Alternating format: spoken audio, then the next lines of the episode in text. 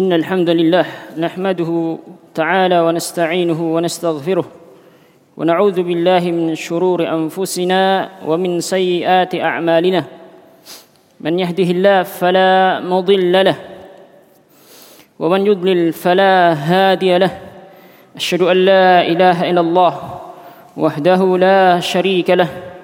وأشهد أن محمدا عبده ورسوله صلى الله عليه وعلى آله وأصحابه أجمعين. أما بعد فإن خير الكلام كلام الله وخير الهدي هدي محمد صلى الله عليه وسلم وشر الأمور محدثاتها وكل محدثة بدعة وكل بدعة ضلالة وكل ضلالة في النار. أيها الإخوة والأخوات أعزكم الله جميعا الحمد لله رب العالمين. Kembali lagi Allah Subhanahu wa taala mempertemukan kita di tempat yang mubarak ini dalam rangka at-tafaqquh fid din mempelajari agama Allah Azza wa dan at-taqarrub ila Allah Subhanahu wa taala mendekatkan diri kita kepada Allah Subhanahu wa taala karena disebutkan oleh para ulama orang yang mempelajari ilmu tersebut dia mengambil dua bagian bagian yang pertama dia mengambil sebuah wasilah yang akan mengantarkan dia memperbaiki ibadahnya memperbaiki ibadahnya yang lainnya. Kemudian bagian yang kedua dia sedang melakukan ibadah kepada Allah Subhanahu wa taala dengan dia mempelajari agama Allah tersebut. Kemudian salawat dan salam kepada Nabi kita yang mulia Muhammad sallallahu alaihi wasallam juga kepada keluarga dan para sahabatnya dan juga orang-orang yang mengikuti mereka dengan baik sampai tegaknya hari kiamat. Kembali lagi pada pelajaran kita pertemuan yang kedua pada kesempatan ini berkaitan dengan fikih al-i'tikaf. Walhamdulillah pada pertemuan sebelumnya telah kita mengambil pembahasan berkaitan dengan pengertian al-i'tikaf secara bahasa dan secara syariat kemudian hukumnya ya adalah sunnah dan bentuk kedekatan diri kepada Allah Azza wajal dan telah disebutkan dalil dari Al-Quran, sunnah Nabi SAW dan juga ijma' al-muslimun akan hal tersebut. Kemudian pada pertemuan sebelumnya pula kita sebutkan tentang syarat-syarat al-i'tikaf dan disebutkan yang pertama seorang yang beriktikaf tersebut adalah seorang yang muslim mumayyiz dan orang yang berakal. Kemudian yang kedua dia berniat untuk beriktikaf. Yang ketiga dia melakukan i'tikaf tersebut di masjid berkaitan dengan i'tikaf di masjid di sana ada sebuah hadis ya. La i'tikaf illa fi thalathati masajid. Tidak ada i'tikaf melainkan pada tiga masjid. Masjidil Haram kemudian Al-Masjidil Aqsa dan Masjid Rasulullah sallallahu alaihi wasallam. Akan tetapi oleh sebagian para ulama mengatakan akan kedhaifan hadis tersebut. Disebutkan karena adanya kegoncangan ittirab pada hadis tersebut ya. Oleh karena itu datang sebuah riwayat dari Ibnu Mas'ud mengatakan kepada sahabat yang meriwayatkan hadis tersebut. Karena sahabat yang meriwayatkan hadis tersebut adalah Hudzaifah. Ya, Ibnu Mas'ud mengatakan kepadanya yang mana ucapan tersebut menunjukkan kesalahan di dalam meriwayatkan hadis tersebut dari Rasulullah sallallahu alaihi wasallam. Kata Ibnu Mas'ud la'allaka nasita wa hafidhu. Ya engkau lupa dan sedangkan mereka para sahabat yang lain menghafal hadis tentang i'tikaf berkaitan dengan tempat i'tikaf wa akhta'ta wa asabu. Dan engkau salah dalam hal tersebut sedangkan mereka para sahabat asabu benar. Wa alimu wa jahilta dan engkau dan mereka mengetahui sedangkan engkau tidak mengetahui. Intinya hadis tersebut adalah hadis yang dhaif sehingga kesimpulannya tidak mesti pada tiga masjid tersebut. Di masjid apa saja yang penting ditegakkan salatul jamaah Kemudian pula syarat yang keempat telah kita sebutkan bahwasanya masjid yang dilakukan i'tikaf di dalamnya adalah masjid yang ditegakkan salat al-jamaah. Kemudian yang kelima, orang yang melakukan i'tikaf tersebut dia bersih dari hadas akbar. Kemudian pada pertemuan sebelumnya pula telah kita menyebutkan tentang berapa tenggang waktu pelaksanaan i'tikaf telah disebutkan tidak ada batasan waktu akan tetapi afdolnya adalah dilaksanakan 10 terakhir di bulan Ramadan 10 terakhir di bulan Ramadan Kemudian disebutkan pula tentang amalan-amalan yang disunahkan, amalan amalan yang disunahkan ketika seorang tersebut melakukan i'tikaf. Disebutkan bahwasanya dia memperbanyak salat, memperbanyak zikir, memperbanyak doa, memperbanyak membaca Al-Qur'anul Karim, bertobat kepada Allah, beristighfar dan amalan-amalan ketaatan yang lain. Terkaitan dengan hal ini, ya, jangan sampai kita terluputkan keutamaan dan pelaksanaan sebuah hadis yang diriwayatkan yang datang dari Nabi sallallahu alaihi wasallam, "Idza mata ibnu Adam inqata 'amaluhu illa min thalath." Ya, apabila anak Adam mati meninggal itu terputus pahala amalannya melainkan dari tiga orang. Yang pertama adalah ilmu yuntafa'u bih. Ya, ilmu yang diambil manfaat darinya. Yang kedua adalah sedekahun jariyah, sedekah jariyah.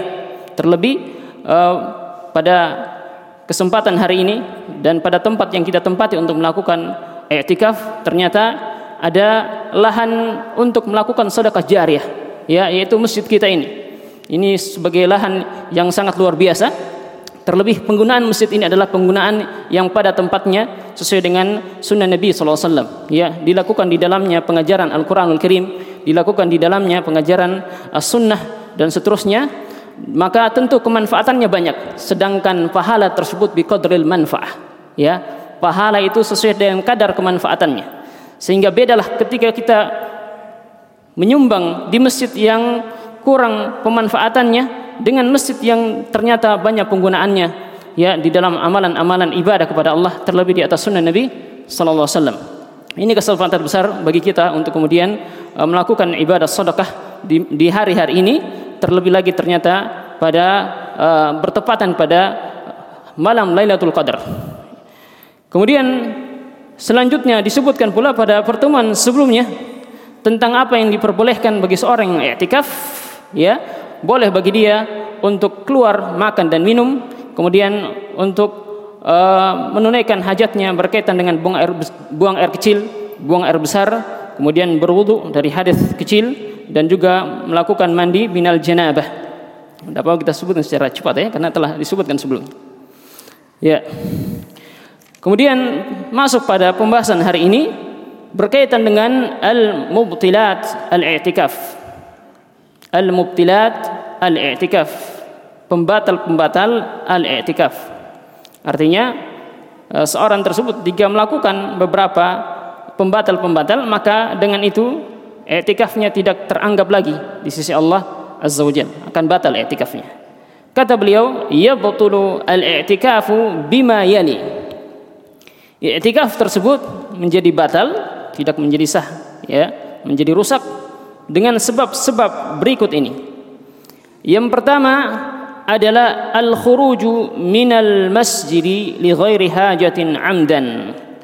Keluar dari masjid tanpa adanya kebutuhan dan dia keluar tersebut dengan sengaja. Dia keluar tersebut dengan sengaja sehingga terbedakan dengan orang yang keluar karena lupa sedang melakukan i'tikaf, ya. Berarti dia tidak sengaja di sini. Jadi yang pertama adalah dia keluar dari masjid tanpa ada kebutuhan. Apa saja ya kebutuhan yang dibolehkan seorang tersebut boleh keluar telah disebutkan sebelumnya. Makan, minum kalau tidak ada yang dapat membawakannya. Kemudian selanjutnya dia keluar untuk menunaikan hajatnya, buang air kecil, buang air besar, berwudu dan mandi dan seterusnya. Kemudian kata beliau, wa in qalla waqtul khuruj Walaupun waktu keluarnya tersebut sedikit, ketika dia keluar tanpa ada kebutuhan secara sengaja sedangkan waktu keluarnya tersebut hanyalah sedikit maka juga tetap membatalkan i'tikafnya. Juga tetap membatalkan i'tikafnya. Li hadithi Aisyah radhiyallahu anha. Ya apa dalilnya? Ini berdasarkan hadis Aisyah radhiyallahu anha yang diriwayatkan oleh Al-Bukhari. Kata beliau wa kana la yadkhulul baita illa lihajatin." idza kana mu'takifan dan Nabi sallallahu alaihi wasallam tidak masuk ke dalam rumah melainkan karena kebutuhan. Jadi Nabi Shallallahu Alaihi Wasallam tidak masuk, dia keluar dari masjid untuk kemudian masuk ke rumahnya, melainkan karena sebuah kebutuhan. Kita sebutkan sebuah kebutuhan eh, ya. Ya. Idza kana mu'takifan apabila beliau adalah orang yang beriktikaf, apabila beliau Nabi Shallallahu Alaihi Wasallam itu melakukan iktikaf. Ini dalil yang menunjukkan keluar tanpa ada kebutuhan dan sengaja itu ter, itu membatalkan i'tikaf. Kata beliau wali anna al-khuruja yafutul muksa fil mu'takaf. Ya, fil mu'takaf. Karena khuruj keluar ya orang keluar tersebut itu menghilangkan makna menetap pada tempat iktikafnya sedangkan iktikaf adalah menetap pada tempat iktikaf boleh kalau ada ke kebutuhan. Wa huwa ruknul i'tikaf. Sedangkan al muksu fil mu'takaf. Menetap tinggal di tempat i'tikaf merupakan rukun i'tikaf. Ya merupakan rukun i'tikaf. Sama dengan salat ya. Kalau hilang rukunnya maka tidak teranggap salatnya maka dia harus mendatangkan rukun tersebut. Demikian pula etikaf ada rukunnya, tatkala hilang rukunnya maka batal etikafnya. Kemudian yang kedua yang kemudian akan membatalkan al-i'tikaf kata beliau al-jima'u. Insyaallah ma'ruf ya. Jima melakukan hubungan biologis dengan istri. Walau kana dzalika lailan, walaupun ya jima' tersebut dilakukan di malam hari Walaupun jima tersebut dilakukan di malam hari, tetap pula batal i'tikafnya. Au kana al-jima'u kharijal masjid. Ataukah jima tersebut dilakukan di luar masjid, tetap saja batal i'tikafnya. Apa dalilnya? Dalam surat Al-Baqarah ayat yang ke-187. Surat Al-Baqarah ayat yang ke-187 Allah Subhanahu wa taala berfirman wala tubashiruhunna dan janganlah kalian bergabung dengan mereka. Artinya di sini yang diinginkan adalah al-jima'. Ya, janganlah kalian bergabung dengan mereka para istri-istri kalian wa antum aakifuna fil fil masajid sedangkan kalian sedang melakukan i'tikaf di masjid-masjid. Ya, sedangkan kalian sedang melakukan i'tikaf di masjid. Kata beliau masih dalam pembahasan yang kedua ini, fa fi hukmihi al-inzalu bisyahwatin biduni jima'in kal istimna. Dan juga masuk di dalam hukum al jima' yang kemudian akan membatalkan i'tikaf yaitu al inzal keluarnya mani. Bisyahwatin disebabkan karena gejolak syahwat ya. Ketika bergejolak syahwatnya kemudian keluar maninya maka ketika itu batal i'tikafnya Beda dengan orang yang keluar bukan karena syahwat, karena ada penyakit dan sebagainya. Masuk di dalamnya pula seorang yang tertidur, ya tidak termasuk tidur kemudian keluar air maninya mimpi basah, maka tidak eh, kemudian membatalkan i'tikafnya. Wa fi hukmihi al-inzalu bi syahwatin dan masuk dalam pembahasan hukum uh, jima adalah keluarnya air mani disebabkan karena gejolak syahwat biduni jima'in tanpa jima' kal istimna. Contoh di antara uh, perkara yang kemudian mengeluarkan air mani karena gejolak syahwat seperti istimna onani insyaallah ma'ruf ya. Taib. kemudian contoh yang lain mubasyarati zaujah. Ya bersentuhan dengan istri. Fi ghairil farji tanpa hubungan dengan menggunakan farj ya kemaluan. Taib. Maka setelah itu akan muncul syahwat yang selanjutnya keluar air maninya. Yang dengan itu uh, batalah apa? Uh, i'tikaf, batalah i'tikaf. Ini yang kedua yang membatalkan i'tikaf. Yang ketiga adalah zahabul aql. Hilang akalnya. Hilang akalnya fayafsudu al-i'tikafu bil junudi was sukri maka i'tikaf tersebut menjadi rusak batal dengan sebab kegilaan wasuk dan mabuk ya. Karena kegilaan dan mabuk tersebut itu menjadikan akal hilang ya menjadikan akal hi, hilang. Kata beliau li khuruji al majnuni was sukrani an kaunihima min ahli al ibadah disebabkan karena ya keluarnya atau orang majnun tersebut, orang gila tersebut dan orang yang mabuk tersebut keluar dari keberadaan dia sebagai orang yang melakukan ibadah, orang yang melakukan ibadah. Kemudian yang keempat yang membatalkan i'tikaf adalah al-haidu wan nifasu. Haid ataukah nifas. Ketika seorang wanita haid, ketika seorang wanita nifas, maka ketika itu batal i'tikafnya. Apa alasannya? li'adami jawazi mukthi al-haidhi wan nufasa'i fil masjid disebabkan karena tidak bolehnya orang haid haid orang nifas tersebut untuk tinggal menetap di di masjid ketika dia keluar karena tidak boleh tinggal maka tentu ya hilang maksud yang diinginkan dari i'tikaf yang kemudian selanjutnya akan membatalkan i'tikafnya kemudian yang kelima adalah ariddatu yang kelima adalah murtad keluar dari agama Islam. Alasannya kenapa? Limunafatiha al-ibadata. Karena dengan murtad tersebut keluar dari agama Islam akan menghilangkan ibadah, pahala ibadah di sisi Allah Subhanahu wa taala. Walikaulihi ta'ala dan juga dengan alasan lain berdasarkan firman Allah Subhanahu wa taala dalam surat Az-Zumar ayat yang ke-65 Allah Subhanahu wa taala berfirman, "La in asyrakta la 'amaluk." Benar-benar jika engkau melakukan kesyirikan wahai Muhammad, maka sungguh amalan engkau itu akan batal.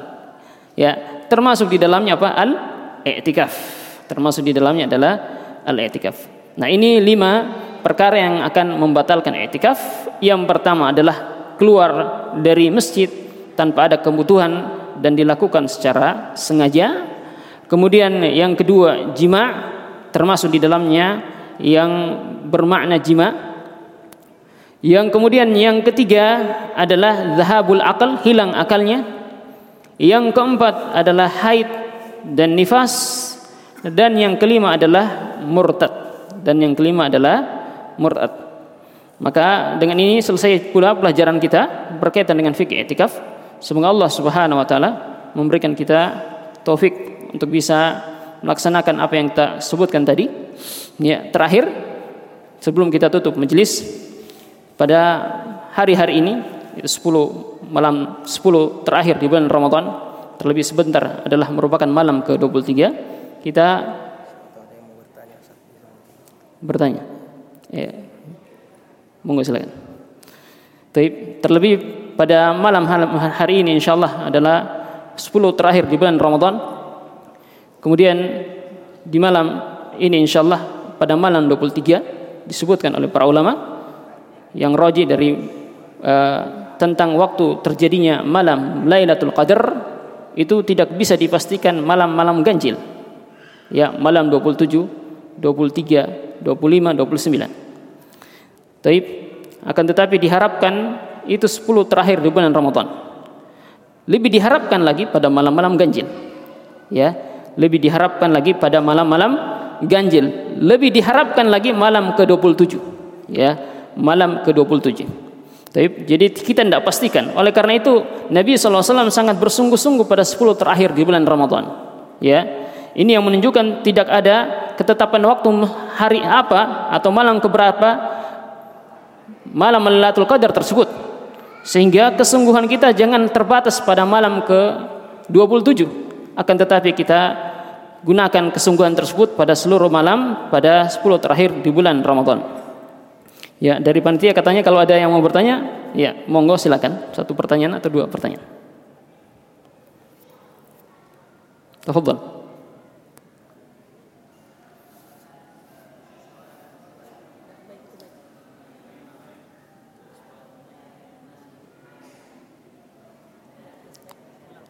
Tidak, enggak kedengaran suara. Mic-nya.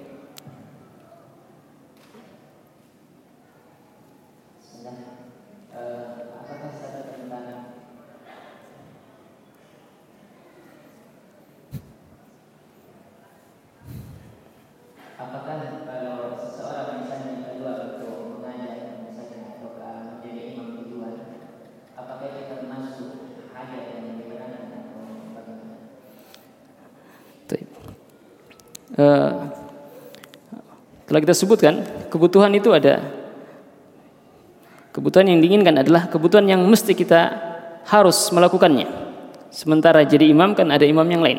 Ya. Seperti apa saja kebutuhan yang harus kita lakukan? Makan, minum. Kalau tidak makan minum gimana tuh? Kita nggak bisa lakukan etikaf ya.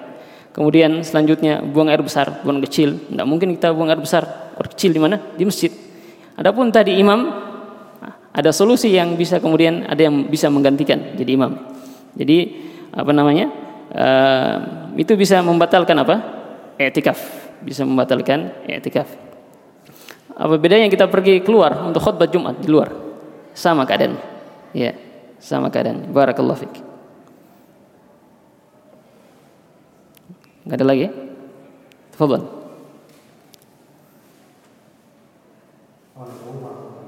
Waalaikumsalam warahmatullahi wabarakatuh.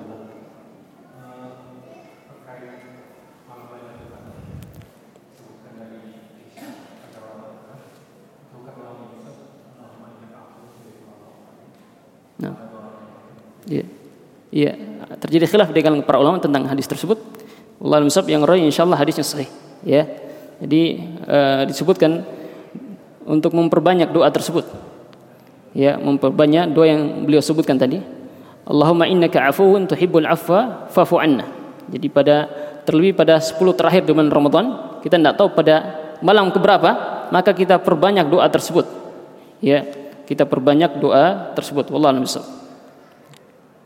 Cukup insyaallah. Silakan.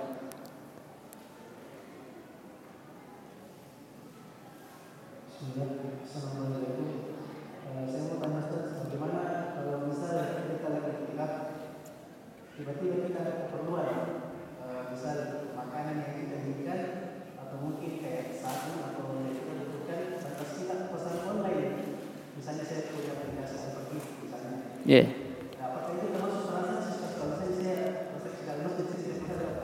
Iya keluar.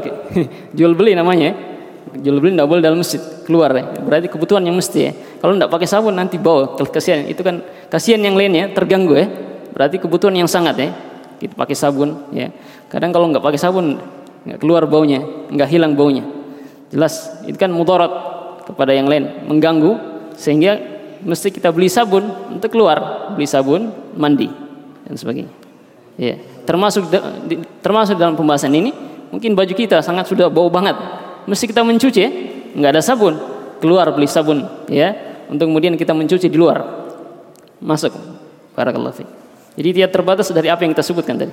Ya. Ya. Silakan. Batasan masjid. Iya. Jadi setelah kita sebutkan dikatakan masjid karena dia ma'muro bis sujud. Dia termakmurkan dengan sujud ya. Kemudian apa namanya? amalan-amalan yang berkaitan dengan salat. Taib. Maka tidaklah dikatakan masjid kalau dia tidak termakmurkan dengan sujud seperti WC misalnya atau kamar-kamar yang di sekitar sini. Ya. Dan juga disebutkan juga bahwasanya dikatakan masjid kalau orang yang bangun masjid tersebut dia niatkan memang untuk sebagai tempat sholat secara berjamaah ya. Maka kamar-kamar yang disebut di sekeliling kita ini bukan dikatakan apa? Mas masjid. Barakallahu fiik apa? Anda tidak perlu berniat ya. Tidak perlu berniat. Barakallah ya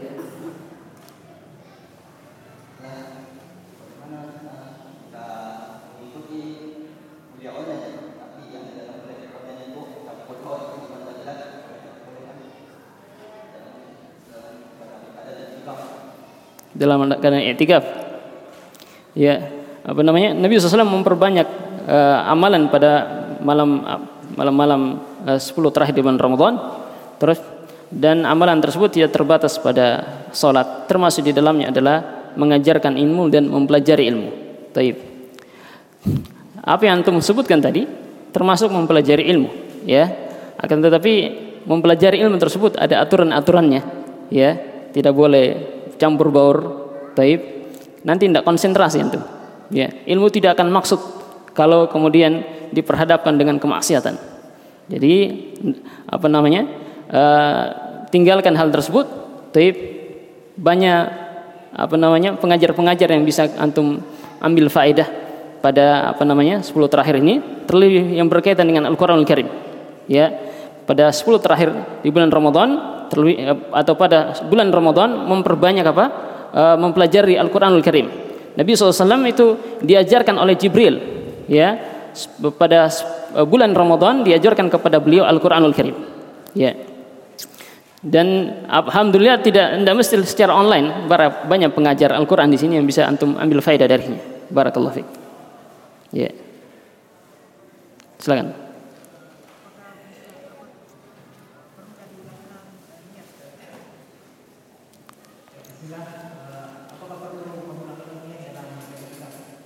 E, kalau antum niatkan etikafnya antum 10 hari ya di bulan Ramadan maka cukup. Kalau antum niatkan cuman di malam hari maka setiap angka antum masuk untuk beretikaf pada malam hari maka memperbarui niatnya. Gitu ya memperbenar kalau sudah terputus dengan siang maka apa? Etikaf pada hari pertama selesai. Nanti mulai lagi etikaf pada hari yang berikutnya di malam hari maka antum perbarui apa e, niatnya ya diperbarui niatnya Taib.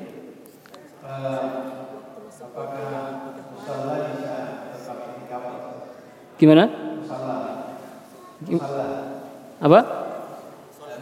Musola ya tergantung musolahnya apakah ditegakkan sholat jamaah di dalamnya kemudian kalau ditegakkan kalau ditegakkan sholat jamaah maka boleh kemudian selanjutnya tergantung juga tenggang waktu etikafnya kalau tenggang waktu etikafnya cuma malam hari ya kan? Kemudian sholat jamaah memang pada malam hari situ saja. Sholat apa? Sholat maghrib kemudian sholat apa? Isya dan sholat subuh ya. Sedangkan salat zuhur kemudian salat asar tidak dilakukan apa? Salat jamaah. Sedangkan etikafnya di, antum cuma di malam hari maka boleh. Karena antum juga tidak akan keluar untuk mencari masjid karena masjid tersebut akan ditegakkan salat berjamaah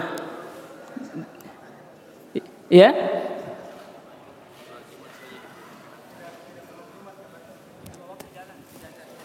Telah kita sebutkan pada pertemuan sebelumnya, salat Jumat kalau tidak tegakkan salat Jumat tidak ada masalah. Ya. Uh, An-nadhir la hukma. Ya. Sesuatu yang jarang itu tidak ada hukumnya. Allah bisa. Silakan. Uh, apa namanya? Itu kan nadir, jarang terjadi. Kita sebutkan pada pertemuan sebelumnya, itu pembahasan berkaitan dengan uh, syarat yang keempat ya.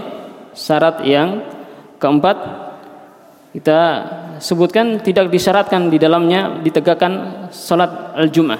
Salat al-jum'ah. Allah lebih silakan